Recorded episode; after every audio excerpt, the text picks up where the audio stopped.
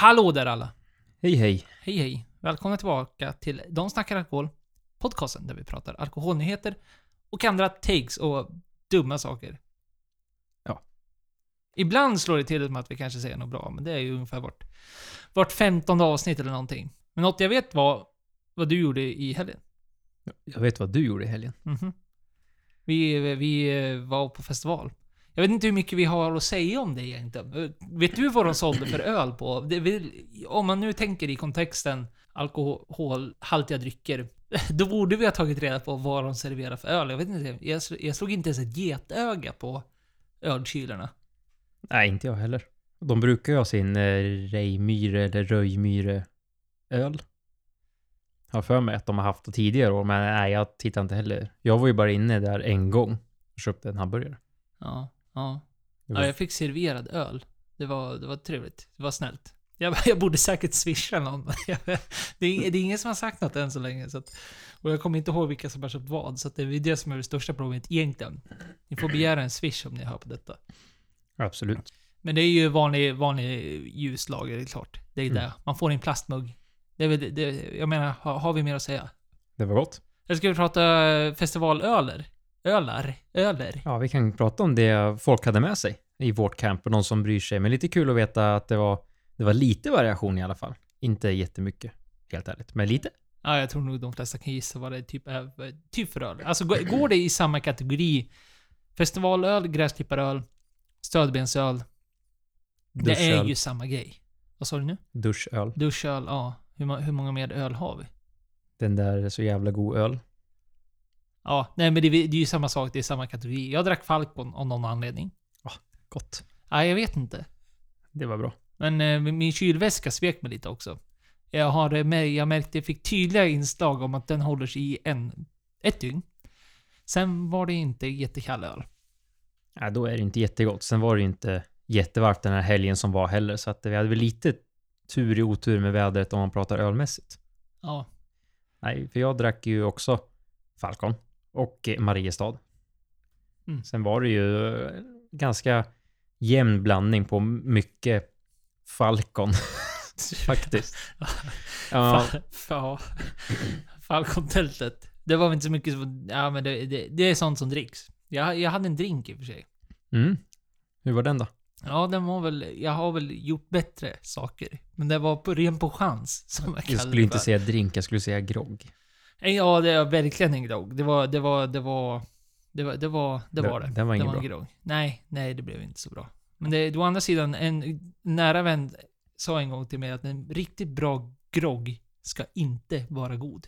Och det leder den upp till. Verkligen. Sen får man tolka det hur man vill. Men så, eh, så vi har ju inget jätte, alltså så här, roligt att berätta om eh, vad vi drack. Du, Jo, vi hade med beska droppar. ja, Den var lika dålig den här gången också. Ja, ja men det var den ju. Och det, det är i och för sig, det var, jag kan ju rekommendera alla som ska till en festival, du har med sig beska droppar och så bjuder du med den till eh, random folk. För det var ju ändå kul. Ja, speciellt när de inte visste vad det var som fick den. Och den här minen som ingen kunde hålla. Det var ju, det var ju några vi bjöd på de satt där och höll minen i tre sekunder. Sen kom den här grimasen ändå. Ja, det var ju det. Och sen var det ju någon som inte ens trodde på det. Så att det var, det var där han sa det här, du hällde upp de beska droppar till honom. Han sa ah, det är beska droppar. Nej, det är fan inte beska droppar. Sen tar han den där, tror att det är ett skämt. Och så, oh fan, det är beska droppar. Det är kul. Vi tycker om att festival, som ni kanske förstått. Så länge vi har haft den här podden har vi varit på två festivaler under poddens tid. Ja, jag tror att eh, ni kanske är många av er som kanske kommer tröttna på de här segmenten. För, men får, vi får ha fem minuter när vi har varit på en festival, för det kommer inte vara den sista gången. Absolut inte. Absolut inte. Nej, men vi lägger ner nu. Ja. Till eh, detta avsnitt så dricker vi ju kanske, det- kanske vi dricker godare saker än, än groggar och Falcon och sånt där som vi gör en festivalhelg. Men eh, nu sitter vi och smuttar på lite Gordon McVale. Jajamän. En Gordon MacPhail Exclusive Single Malt får eh, Viking Line. Som då buteljeras för ja, båtarna Viking Line. Och det är en Ardmore. Som på, har legat på, vad jag tror i alla fall är ex-bourbonfat på smaket tycker jag i alla fall. Eh, Bot- destillerad 1998 och bottlad 2017. Mm. Eh, här kul destilleri, det är väl inte kanske det mest... Eh, ah, jag vet, jag vet inte, vad, vad ska du säga? Det kanske inte är den kändaste. Absolut inte den kändaste. Men de är ju ändå... Det går inte att säga att de är små heller. De är ju, har ju väldigt stor produktion. Och är väl ändå... Är, är du lite bevandrad inom whisky så kommer du känna igen Ardmore. Om det inte det, kanske inte är det första du tänker på. Men en Highland single malt, fin, trevlig. Alltså det är en trevlig whisky. Det är ju ändå en eh, ja, cast strength, non- non-chill filter då och så vidare. Allt som Gordon McFail alltid gör. Och för de som är uppmärksamma så var det Gordon McFail vi pratade om i förra avsnittet som då ska sluta fylla på nya tunnor med Newmake. New Make. Så att eh, därför tänkte vi perfekt att smaka en i podden. Och den här har vi ju faktiskt druckit förut, men det har för mig att det var något år sedan i alla fall. Ja, jag känner ju absolut inte igen den. Det var ju ganska... Eller så är det så för att jag tyckte att jag kanske inte känner igen den för att den kanske inte var så jäkla intetsägande. Och det får man väl ändå... Ska vi vara transparenta i den här podcasten får man ändå vara ärlig och säga det. Det var ju... Det hände ju inte jättemycket. Det är ju... Mm, nej. Alltså om man då... Nu pratar jag naturligtvis subjektivt utifrån mina smaknoter. Som då jag vill leta efter de här klassiska käftsmällarna jag alltid pratar om här. Inte alltså, inte bokstavligt talat, utan, utan när vi kommer till drycker och sådär. Och ja, det här är, är väl inte i närheten av det. Nej, absolut inte. Jag minns ju, jag köpte den här på Cinderella Whiskey Fair något år. Jag kommer inte ihåg vilket av gångerna det var. Jag har för mig att de har ju haft den här på båten länge och haft det svårt att få, få den såld. För jag tror den vill lägga på 15 eller 1700 och så var den här nedsatt till, tror det var typ 1200, alltså L 1198 eller något sånt där. De hade sänkt den typ 30 procent. Så den blev ju en här spontan köp. Jag tror jag smakade den och tyckte att den var god på båten. Och det var rolig, bra procent och lite, och lite ålder på den. Ja, äcklig är den ju inte. Nej, absolut inte. Och för runt 1200 för en ändå hyfsad ålder och bra procent och trevlig. Gordon MacPhail gör ju som sagt väldigt, väldigt sällan och dåligt. Jättetrevlig whisky. Den, jag tror den till och med kanske finns kvar på båten. Jag har inte kollat det, men det skulle inte förvåna mig. Skulle du rekommendera folk den då? Inte för det priset. Inte för det priset. Nej. Nej, så kanske det... Ja, nej. Bra. Första destilleriet som byter helt, eller ett av de första destillerierna som byter till något annat än glasflaskor. Eller plastflaskor har kommit fram. Och det är ett destilleri i Florida som då har börjat lansera sin vodka i, ja, alltså en helt ny typ av... Jag, jag har aldrig i alla fall, jag har inte sett det förut. Inte jag heller. Inte på det här sättet. Det är ju som en eh, kartong. Där de har en eh, påse i där spriten ligger. Så att det är ju, ja, det är ju pappkartong. Ja, det är, det är, liksom papp och sen är det som en... Det är ju som en... Sån här aluminium... Det är inte aluminium heller, vad är det för någonting? Det är ju det här i en, i en bag-in-box. Det typ av material ser ut att vara. Sett på bilden. Det, är det står ju inte vad det är för material, men... Det är väl ganska klart att det är det ändå. Ja, det skulle jag absolut säga. Och så vet inte jag om det bara är det här exemplet, men jag får ju, man får ju framstå som att det ska vara så här på varenda typ av dryck. För det är väl det som är speciellt med det här och det är väl det som gör den här nyheten ganska rolig. Att man har ju aldrig hört det här förut med, med destilleri och destillerad sprit som säljs på det här sättet.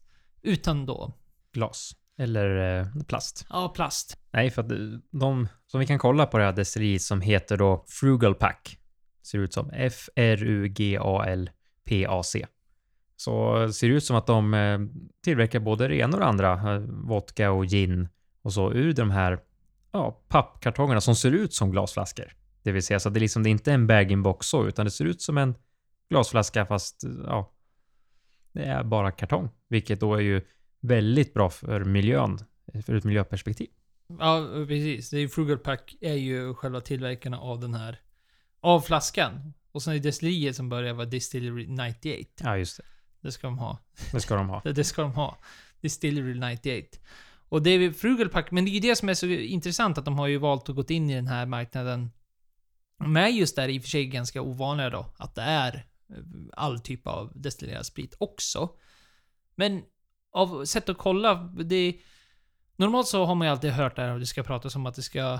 På entusiastnivå i varje fall, får vi väl hålla oss till, för det är ändå den, den målgruppen vi, vi är ute efter. Då får man ju alltid... Stannar det ju alltid vid diskussionen att hur ska det bli vid finare viner? Det ska lagras och hur ska det bli med whisky? Hur ska det bli med rom? Alla de där Men om man väl går in och läser om de här Frugal Pack som har gjort den här, då att det är ju inte alls den publiken de är ute efter.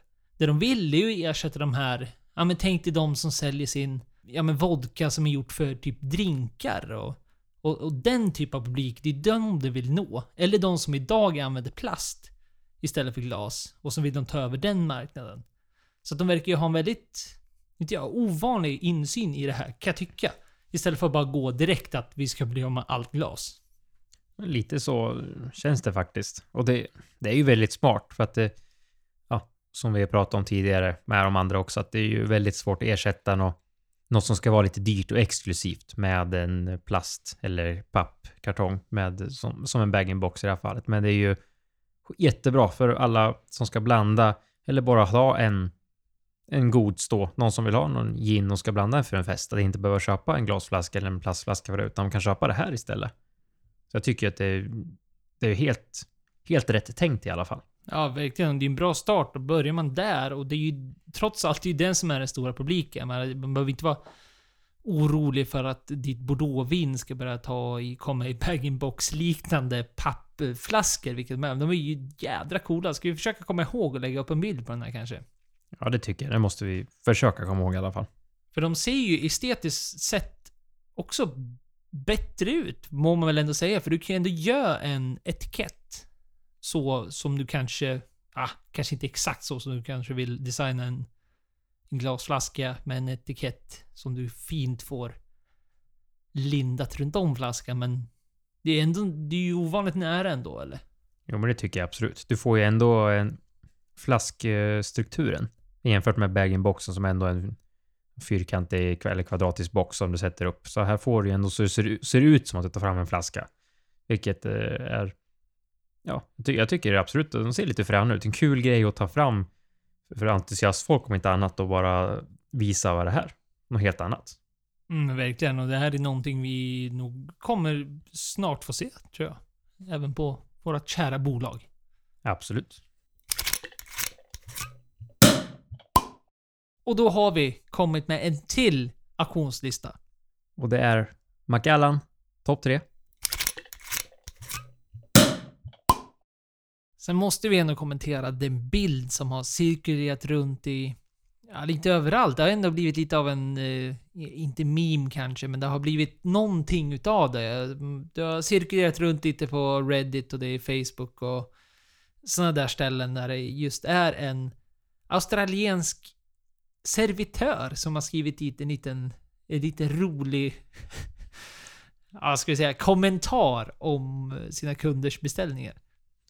Ja, lite så kan man ju säga. Och det är ju en person som har beställt eh, ett glas vin och ville ha is i den. Vilket då på kvittot det står Ice in it F någonting Bogans. Ja, ja vilket då typ... Ja, de, Bogans är tydligen typ som Hillbilly i Amerika, så det är väl, ja, din jävla lantis typ då. Det måste ju vara så. Har han lagt till. Och det här är ju... Ja, jag, jag tror den som har lagt upp den här bilden överhuvudtaget är väl... Även om det är en taskig kommentar så har det väl setts med en glimt i ögat och mer som en rolig, rolig grej. Ja, absolut. Det skulle jag också tro. Eller så är det någon riktig entusiast där som absolut vägrar is i alla spritdrycker som bara nej, app, app, app, app, app. Som inte kunde ta det mer. Nej, precis. Och så får vi se. Alltså hans bortförklaring är väl ganska dålig. Han, skrev, han säger att han inte skulle veta att det, skulle, det skulle komma upp på kvittot och det är väl, det är väl bara en lögn. Ja, ja väl- absolut. Men det är klart, han, han måste ju skydda sig. Det ser ju inte bra ut för hans del. Om man vill jobba kvar på den här, det här stället. Nej, det skulle jag inte heller säga. Eh, Det är väl som om man skulle gå på ICA och så köper man eh, lite konstiga saker, någonting den kassan inte tycker om, skulle jag skriva det på kvittot. Och det är ju inte heller så snällt egentligen. Men hur skulle du reagera då om du står och har en, en whiskybar och så kommer det fram någon och beställer en Macallan 25-årig och sen tittar de djupt i ögonen och säger Majs. Hade du kunnat bara ra- rakt bara, inte brytt dig och bara jajamän ställer upp dem och sen kör du? Eller skulle du haft en liten sån här Jag tror jag skulle ha, jag skulle köra en Macallan 25 NEAT ett pris och sen med is så skulle det vara dubbla priset. Bara för att det inte skulle gå. Och är det någon som gör det, då går man ju plus på det. Det hade ju varit svårt att inte säga någonting. Och nu menar jag inte alltså att på något sätt att man vill då eh, övertala den här människan, men jag hade ju, mitt intresse hade ju pikat. Att vad, vad är ditt mål här? Ja. Med den här. Lite så. Det är lite kul om man skulle egentligen gå in på en bar och göra den. Så gå in och säga, jag vill ha Macallan 25 och så vill jag ha ett halvt glas cola bredvid. Och bara se reaktionen med Easy och se liksom om bartendern tittar på en och vill göra det och se vad man ska göra med det. Någon med alldeles för mycket pengar måste ju göra detta. Åka runt och spela in och, och se reaktionerna på såna här riktiga whiskyhak. Det skulle vara samma sak naturligtvis med, med vin eller ja, e- egentligen vilken dryck som helst. Bara beställa in exklusiva grejer. Champagne funkar ju inte det, för det vaskar ju folk redan. Så det, Ja. det, den är ju svår, men... Ja, den är svår. Eh, Men ja, man skulle gå in och vin. Vad, vad är egentligen det värsta man kan med vin? Jag vet ju någon som blandar vin, rött vin med cola. Det är väl också så här. Ja, det gör ju folk. Ja, Nej. Eh, Eller om du beställer in massa fin, fin vin och sen säger du ja, kan du göra en sangria på det där? Och så får du springa liksom över till Icat och handla massa frukt och slänga i. Det skulle ju också vara kul, tror jag. Ja, eller om man vill ha vinflaska, men gärna inget glas. Man kan halsa direkt ur den. Så här, riktigt så här otrevligt. På en restaurang då pratar vi. Ja, nej, nu, nu har vi gett dem idéer i alla fall. Folk där ute som vill ha content på, på, på detta. Men Kö- köper en eh, osötad rom, en Foursquare, så vill man ha lite socker bredvid som man kan fylla i. Ja, den- ja, den skulle ändå funka. Den skulle funka. Eller hälla i någonting i kaffet oavsett vad det är. Avec-mässigt. Då servitrisen tror att det ska vara som en avec. Serveras som en avec och sen tittar du bara rätt om ögonen och så bara häller du rakt i kaffekoppen. Svart och rivet med lite 30-årig Macallan. Alltså, Det skulle vara kul att se den blicken. Eh, vilken min man skulle få. Ja, det skulle också vara priceless. Eller om man beställer en whisky med sugrör. Det tror jag inte heller så här går helt in. Ja, fast är inte det ändå vanligt tänker jag om man ska ha vatten och sitta och Ja. pluppa i? Nu vill ha sugrör ligga i whiskyn och inget vatten bredvid om man säger det. Om man vill ha ett whisky och, och ett sugrör och inget vatten. Jo, men nej, men den, den, den scenen är också bättre ifall du beställer in det och sen låtsas som att du ska en vatten med sugrör, tack. Och sen sveper du vattnet och sen stoppar du ner sugröret i whiskyn, tittar dem, stirrar dem med. Man ska ju blänga också. Det ska inte vara det här lite så här. Nej, man, man ska ju verkligen blänga rakt in i ögonen. Det hade varit skitkul. Men nu måste vi gå vidare för det här. För grejen med den här, i och för sig det här var ju också någonting den triggade, var ju roliga diskussioner, det var jätteroliga kommentarer att läsa igenom det här, framförallt på Reddit. Men det var just där med is i vin, specifikt. I, eh, vin överlag. Och då var det många som sa både det ena och det andra. Att det, jag jag vet inte om vi nämnde det, det var ju i Australien det här hände. Och det var ju någon som kommenterade då att ska du sitta på en restaurang ute i Australien, där det är, ja, fluktuerar mellan 25 till 35 grader. Då är det jättesvårt att dricka ett finare vin på ett kylt sätt. Att det blir, det blir varmt direkt. Så att det är svårt att hantera det här på något annat sätt än is. Ifall du är en sån som är hårt i debatten om att ett vin ska vara kylt. Ja, det kan jag absolut hålla med om. För det är ju lite så man tänker egentligen. Att ja, sitter du ute i Australien, det räcker ju eh, svensk högsommar. Nu är det inte så varmt i Sverige just nu. Men för några veckor sedan när det var riktigt varmt. Och så beställer man en, ett glas vitt vin.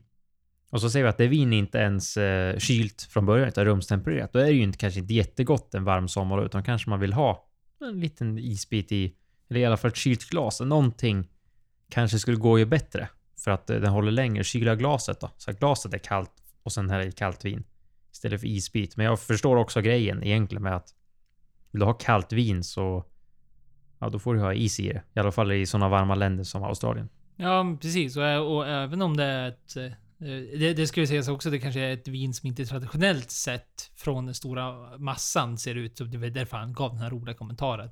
Att det är ett rött vin. Och, men även ett rött vin ska ju oftast serveras runt 17-18 grader. Väldigt ofta. Men mer än vad folk tror, för att man oftast ligger dem i rumstemperatur och det... Ja. Det, det är en annan debatt till en annan gång, den här eviga debatten mellan ska du lufta det eller ska du kyla det? Och det är en, det är en debatt till ett annat avsnitt, tycker jag. Absolut, den får vi avvakta lite med. Lite mer vädernyheter som vi brukar vara duktiga på att prata om i podden. Men det är ju svårt att un undkomma det med tanke på hur mycket det är som faktiskt beror på hur vädret är. Och det är ju det här med just nu pratar vi om en, eller vin i Italien. Som då ser ut som att eh, det kan bli en dålig skörd. Eh, med att de kommer få upp mycket mindre på grund av det här eh, vädren som har varit nu under hela sommaren. Ja, det här är väl någonting som är i, i, i tidigt stadie, ska vi säga. Alltså, det, det, det säger de också här på Decanter, att det, är- det är tydligt att det är mycket som kommer hända inom de här kommande veckorna. Men det är väl mycket akut som ska hända inom de här kommande veckorna. Och det blir väl snabba rör, vilket inte i och för sig är ovanligt för jordbrukare oavsett vilken typ man ägnar sig åt. Men det blir väl väldigt speciellt, för Italien Ja, som ni vet så går det går inte att ha missat de här bränderna som har haft. Det är ju framförallt i Sicilien. Och i, i Sardinien så var det ju... Ja, vad var det? Det var ju en sån värme... 48 grader eller vad det var. Grekland, alltså om vi nu ska fortsätta med södra Europa, som... Nu handlar just den här artikeln i sig om Italien, men Grekland gör ju också mycket fantastiskt vin. Det är ju många som kommer bli... Precis som Chile blev Eh, senaste skörden, att det blev ju hårt där med alla, alla bränder och vädret i sig gör ju att det blir ju väldigt... Det blir, blir, blir en speciell... Det blir en speciell mix av det hela. Alltså, och då säger jag både... Både det kan bli positivt på det sättet att det märkte vi ju med de här värmevågorna som har varit, att det var ju mycket man trodde här de senaste åren att det skulle bli dåliga skördar. Men så blev det ju inte det. Alltså det blev bra ändå, trots att det var jätte, jättevarmt och det var torka och allt vad det var. Sen är det ju otroligt negativt det här med, med bränder. Vinranker har brunnit ner och lagerhus och allt, allt sånt där vad det nu kan vara. Men precis som i Chile så det var ju otroliga mängder som försvann bara för att röken, alltså av elden, satte sig. Ja, lite så är det ju. Och det är ju de här extrema väderförhållanden som gör att det är varmt, det blir skogsbränder, svårt att, att du få bukt på dem. Och sen har det ju varit eh, extremväder överlag. Alltså de har ju haft stora hagelstormar där nere nu också. Och eh, är det så att det fortsätter i den här takten då, som säger att det inte händer något drastiskt de här senaste veckorna, så ser det ut som att det kommer vara en minsta, minsta som man kan jämföra med 1948, 2007 och 2017. Och det är ju tre årgångar som har varit väldigt svaga i, har- i harvest, alltså skörden och så. Det är ju tråkigt för marknaden. Om det kan ju vara vissa vingårdar som kanske lever på att hela året på att vi gör en bra skörd och vi säljer mycket viner och sen kanske de halverar sin skörd. Och då är plötsligt ser det inte jättepositivt för dem om de inte har massa reservviner och sånt ligger. Mm, och det är väl det som är den verkliga nyheten i den här, att det är inte lite mindre heller, utan man räknar alltså 15% mindre än vad den var 2022. Och 15% blir ju otroliga mängder. Ja, absolut. Så det, det är höga siffror och stor risk att det blir mycket mindre. Och ja, det är ju det är svårt att kontrollera vädret, så är det alltid, men eh, det, är ju, det här är ju inte första gången man ser det och inte sista gången man ser det. Och som vi har pratat om Chile, att det kommer ju mer saker efter och utav de här väderna som då gör att det blir ännu värre för dem. Så att det är ju... Och ändå är ju jordbrukarna bra på att hitta nya sätt att skydda sig för frostnätter och regn och mycket sol och sånt. Men just de här väderna som har varit nu tror jag är, det är svårt att hitta någon bra bukt på det från första början och ens veta vad man ska göra. Ja, när det börjar bli ett mönster som vi ser här så får man ju då som entusiast... Det är ju, det är ju tråkigt det är vad det är, lite så är det ju. Men man kan ju också som entusiast då men kanske ha tanke på att det, marknaden och det utbudet som finns idag kommer kanske inte existera på samma sätt om bara några år. Att det kanske är någonting värt att ha med sig i, i sina beslut och man kanske vill ta vara på, på det utbudet och det som finns idag, om man nu vill vara så krasst att man bara tänker på att oj, mitt vin försvinner och inte ja, men, bönder och sånt där och deras eh, liv förstörs mer eller mindre. Om man vill vara så tråkig, men det, å andra sidan så är det väl bara realistiskt sätt att säga att det är nog många som tänker i den, de banorna. Men samtidigt är det väl någonting som man kanske får ha med i framtiden också menar jag.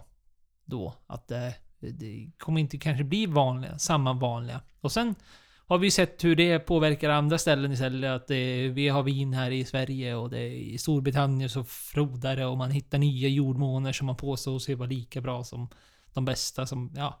Så eh, visst, allting har ju sina, sina sidor.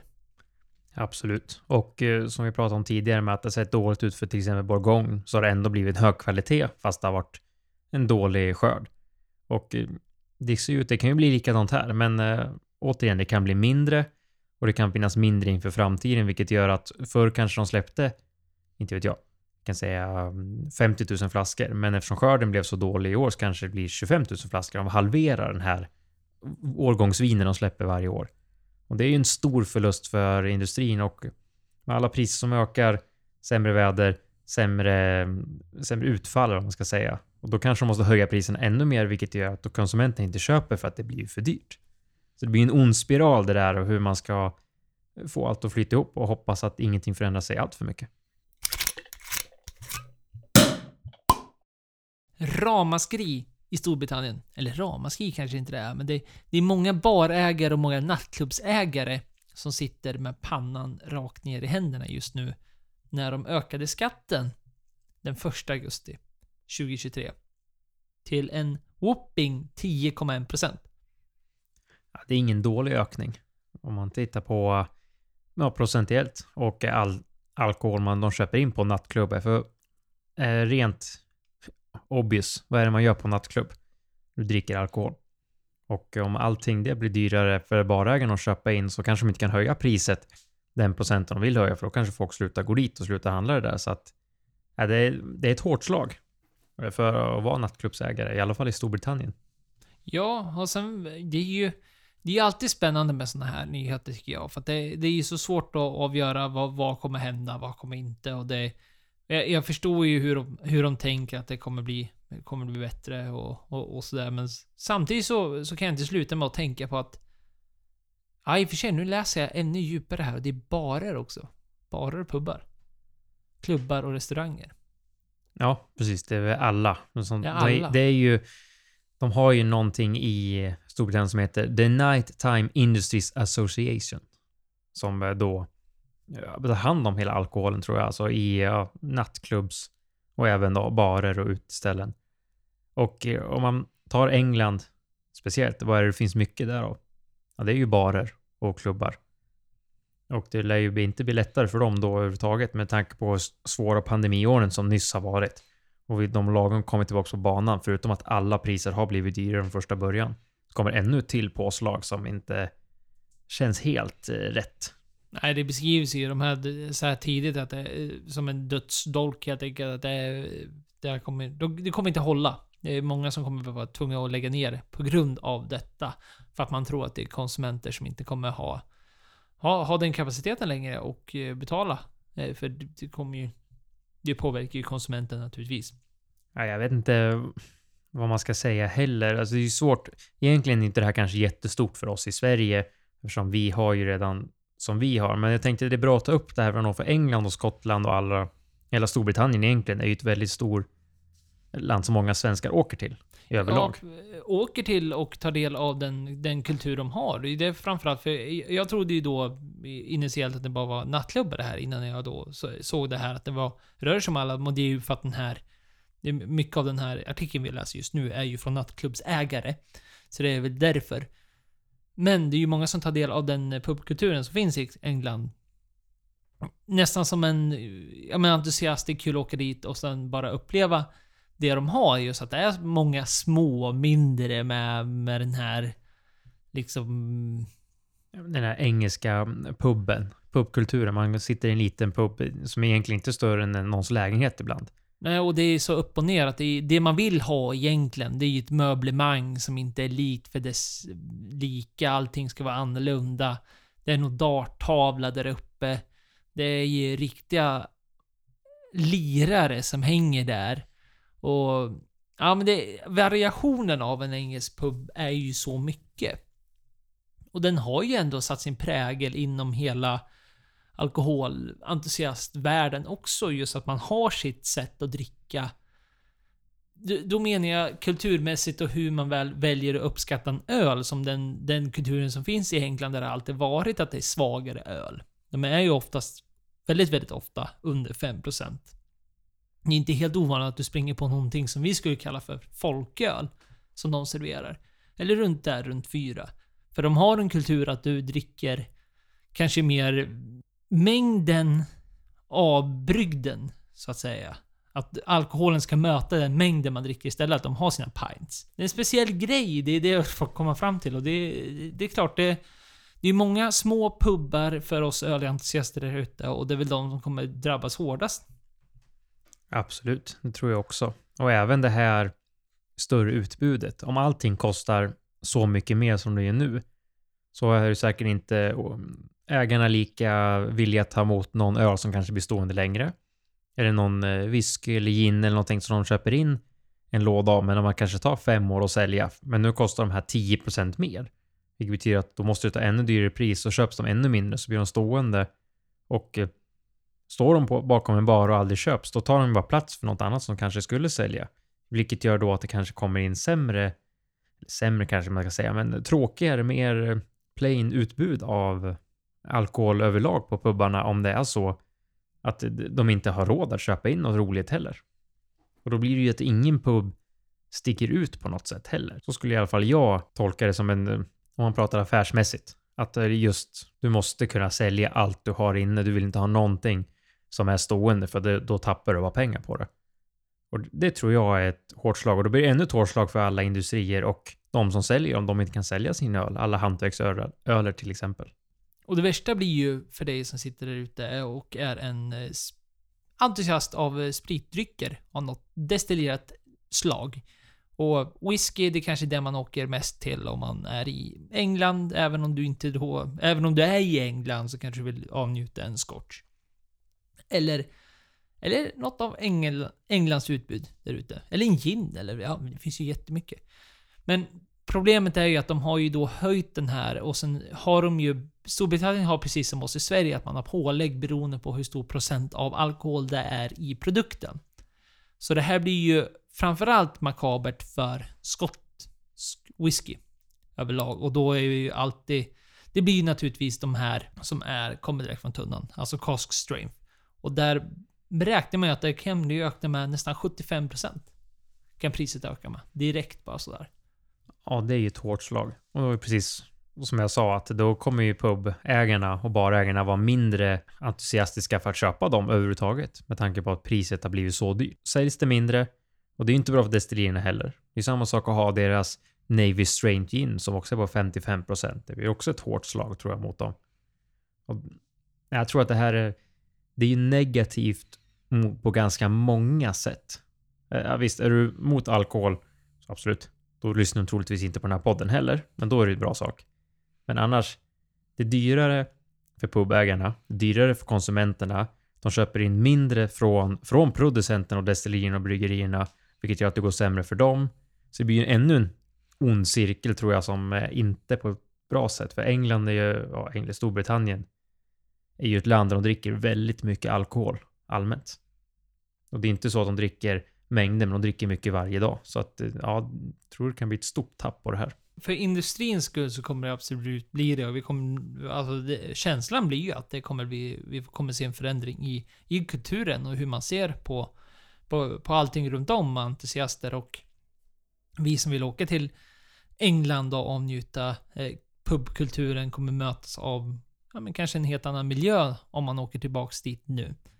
Men sen får vi ju precis det du var inne på här, att man får, man, man vi måste ju ta vårt ansvar också och lyfta det, den aspekten att anledningen till varför man gör det här är ju inte av ekonomiska faktorer rakt upp och ner så här. Det, och det är ju, de går ut och säger att det är ju hälsoaspekten man är ute efter. Och det går inte att säga något annat. Naturligtvis blir det svårt att säga, precis som du säger, att det är, i, i den publiken vi har, vi är också entusiaster av, av alkoholhaltiga drycker. Så det är väl en aspekt, men samtidigt måste man väl ta sitt ansvar där också och säga att det finns ju de som har haft problem med det här och har problem. Och historiskt sett så är ju det mest effektiva sättet att dra ner på alkoholkonsumtion är ju att höja priserna. Så att det är ju det som har fungerat. Och det är därför man gör det här. Och det är ju någonting man självklart måste ha tanken med sig när man resonerar detta. Idag hade vi tid för den, det ämnet vi hade tänkt att prata om förra avsnittet. när vi kom in i ett sånt flow egentligen så att eh, vi, eh, vi glömde ju inte bort det. Men eh, den blev ju lite skymundan om man ska säga. Ja, sen var ju nyheterna var ju ovanligt bra för att vara sommar. Det, vi har ju pratat om nyhetstorka och det är nyhetstorka. Det vet ju vi som sitter och letar aktivt efter nyheter efter avsnitt efter avsnitt. Att det är, det är torrt där ute. Men jag har väl också sagt det och jag hoppas att eh, det går hem i stugorna också. Att ska det vara så att det är nyheter och det är annat som kommer i vägen, alltså på ett positivt sätt menar jag. Inte att det, det, det förstör alldeles för mycket. Eller att det bara blir att varenda avsnitt så sitter vi bara och pratar nyheter. För det förstår jag att kan vara, kan vara långdraget att lyssna på också. Att det, det går bra att vi gör så. Att är det mycket nyheter och det är mycket att prata och diskutera runt nyheter så, är det, så får det bli så. Nej, det är kanske är jättemånga som sitter nu och tänker va? Har, har, pratar de om ämnen varenda... Säger inte brytt sig ett dugg. Nej, lite så. Men säsongsdrycker, vad är säsongsdryck för dig? Och det är ju det vi har pratat om lite grann egentligen med, om man tar gräsklipparölen fast på det sättet att det är, det är so en sommardryck. Någonting man dricker på sommaren. En höstdryck, något du dricker på hösten. En vinterdryck, något du dricker på vintern. Sen egentligen våren är väl den jag inte har någon riktigt säsong, säsong, utan det är mer att det är början på sommaren. Man börjar komma in, smyga in med de grejerna. Oktoberöl är ju en bra säsongsdryck om man tar det. Mm, ja, det finns ju de här självklara. Eh, det är ju, ja med påsk, oktober, jul och alla de där som är svart på vitt och har sin egen kategori. De finns ju. Och så finns ju det här man subjektivt har hittat på. Vad är, och det var ju därför vi tänkte prata om det förra veckan, var ju för att vi drack rosé. Och prata just om det, hur, hur rosén inte bara i folkmun kallas för en säsongsdryck, utan även statistiskt sett är ju det är en jädra skillnad på försäljningen på rosé under sommarmånaderna och slutet av november. Vilket jag tycker är helt förståeligt, för jag ser också rosé som en säsongsdryck. Och kommer nog aldrig sluta göra det heller. Även om i och för sig statistiken säger också, försäljningsstatistiken säger att eh, vi, drick, vi svenskar köper mer rosé resterande av året. Men det har ju ändå någonting med sommaren att göra. Och det tror jag... Vi har ju ingen försäljningsstatistik här på ölen. Men man kan väl ändå tänka sig, om vi ska göra en certifierad killgissning här, att det är ju säkert skillnad där med. Absolut. Och sen eh, pratar vi om en säsong, om man ska hoppa bort från sommaren, nu har vi ändå pratat väldigt mycket om sommaren och vi kan komma tillbaka till det. Men just där när väder vi spelar in idag, det är ju det absolut typiska höstrusken vi har. Det är mulet, det blåser och det är pissregn verkligen. Då är man ju inte jättesugen kanske på en kall rosé på det sättet, utan då är det ju nästan det här man går in på en liten mörkare öl.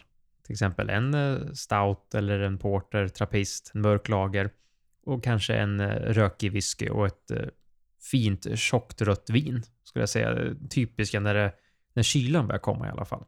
Det skulle jag säga är en typisk sån där säsongsgrej. När liksom det väl börjar bli svalare vill man ha något lite starkare som smakar mer nästan. Mm.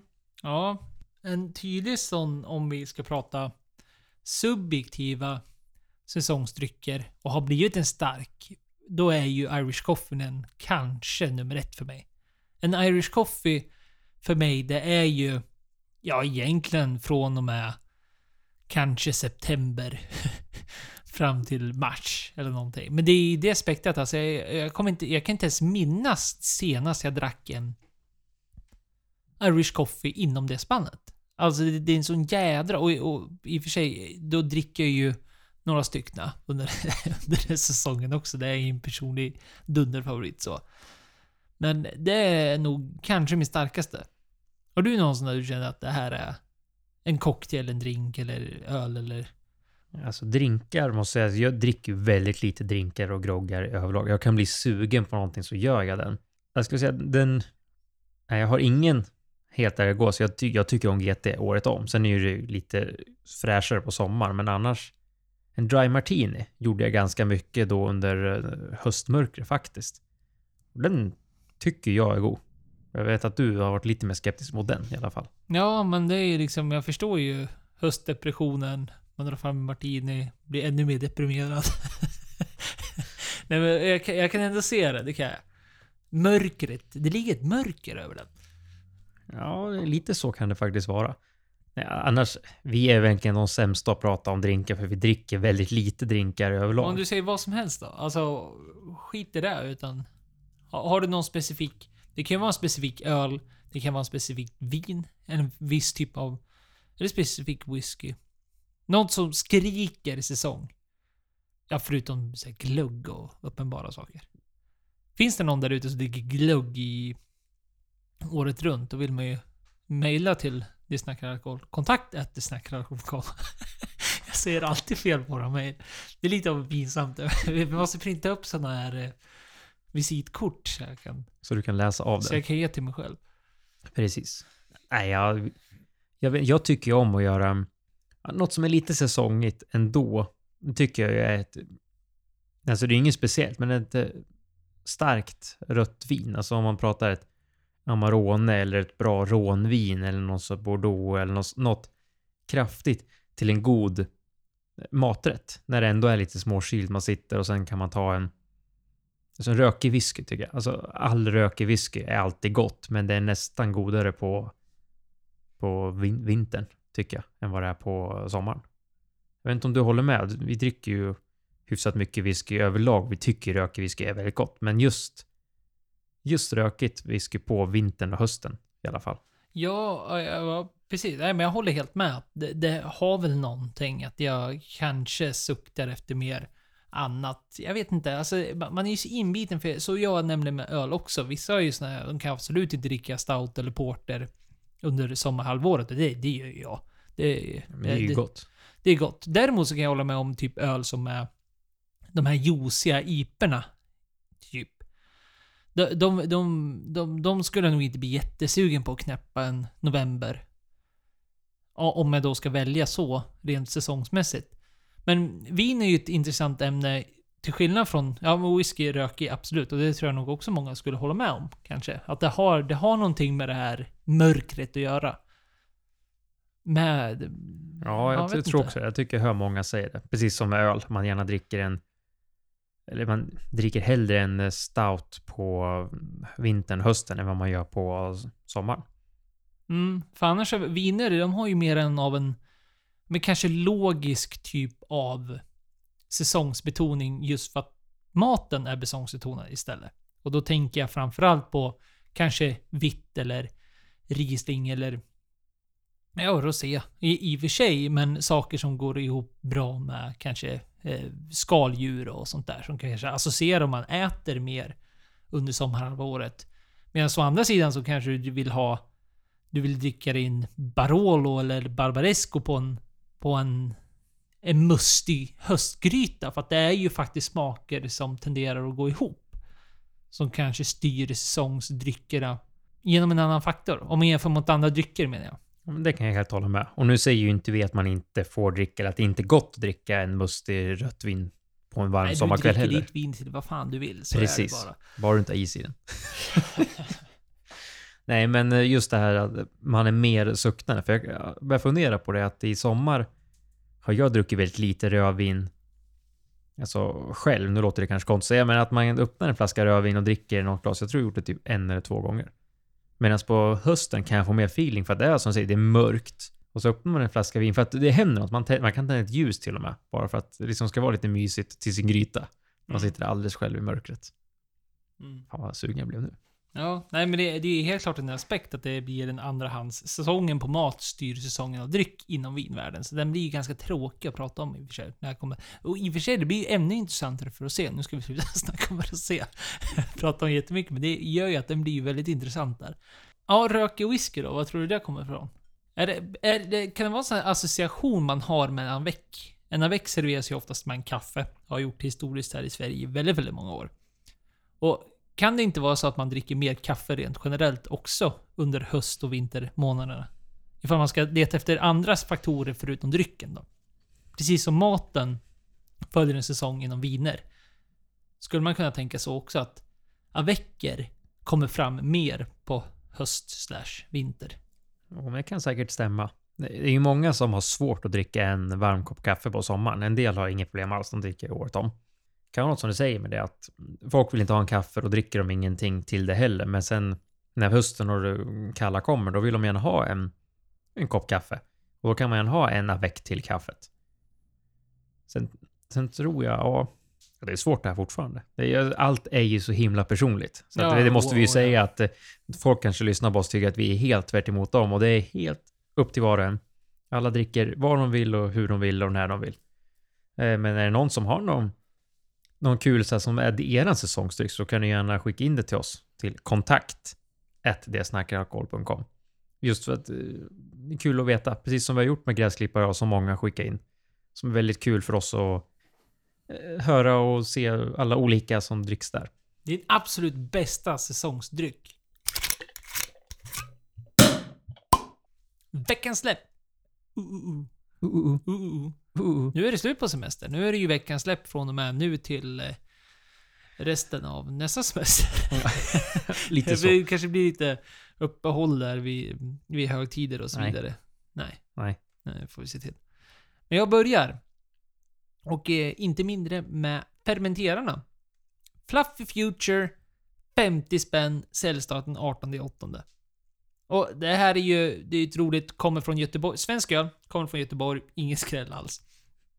Många kommer därifrån. Det är, det är en bra chansning om du någonsin får en sån här fråga på var kommer ölbryggeriet ifrån? Göteborg, säg det bara.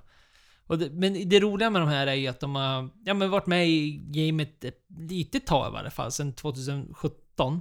Och har väl slagit igenom mycket på grund av deras riktigt läckra eh, burkar.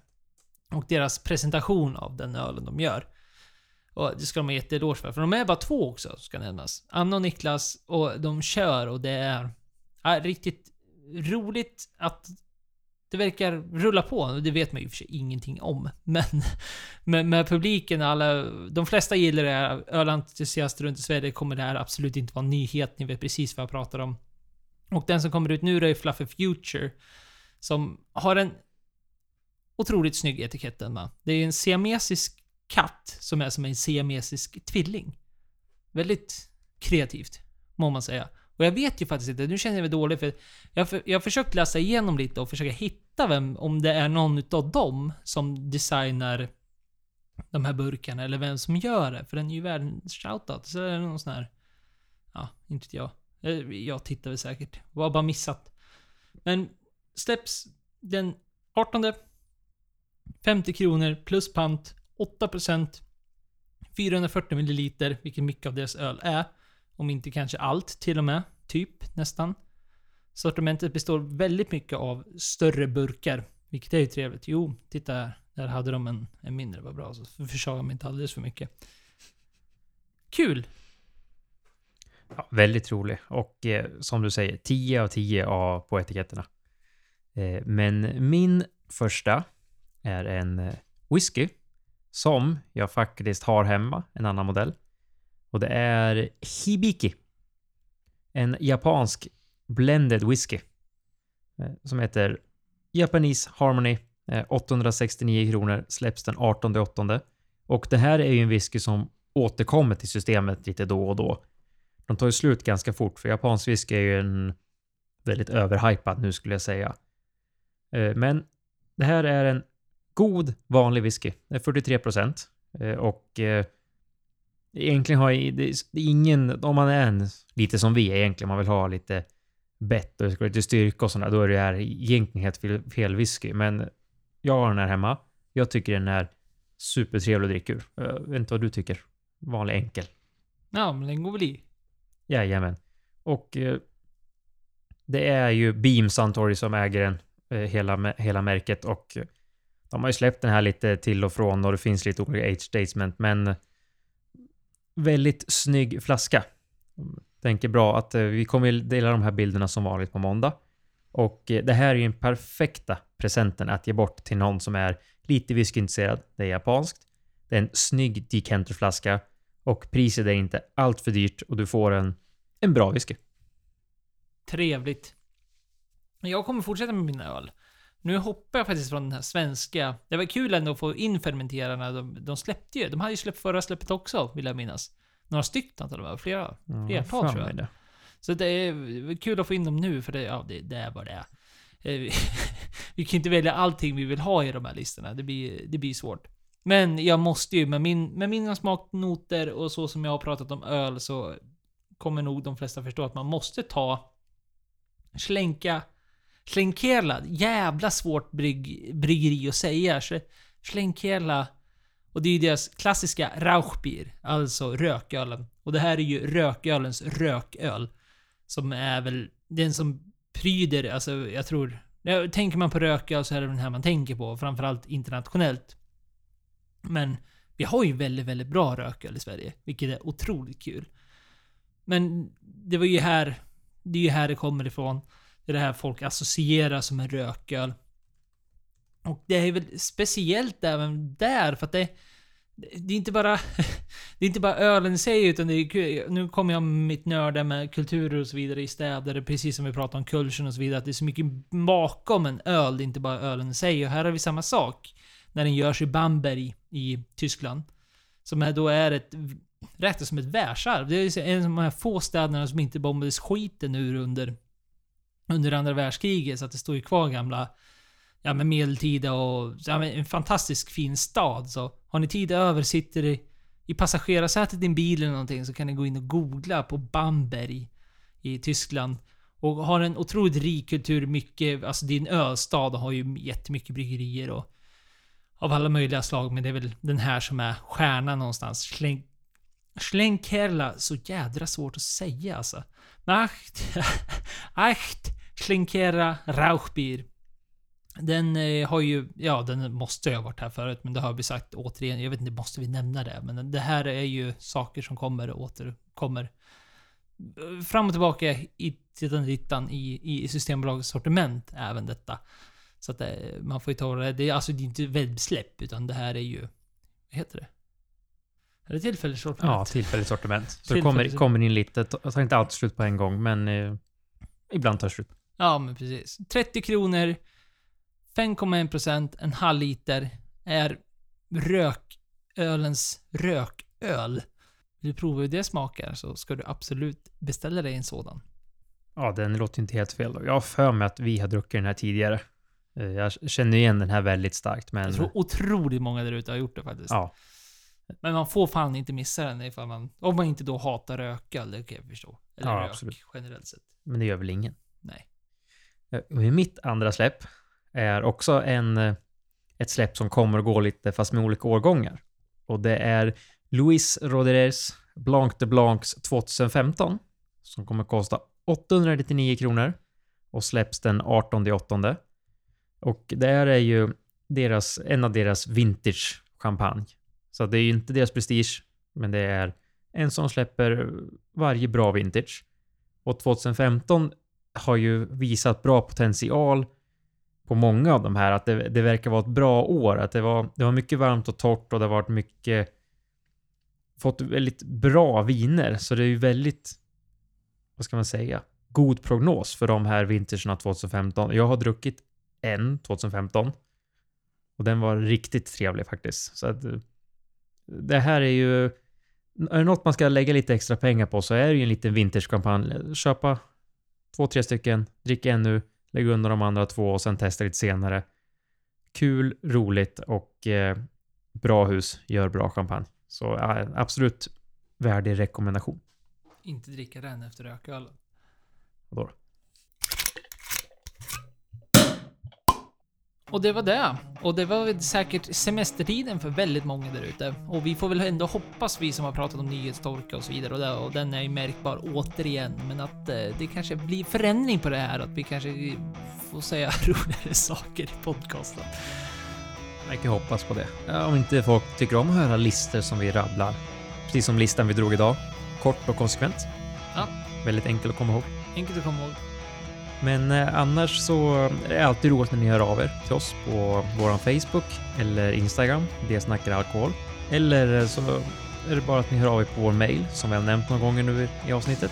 Kontakt, Marcus, kontakt detsnackaralkohol.com.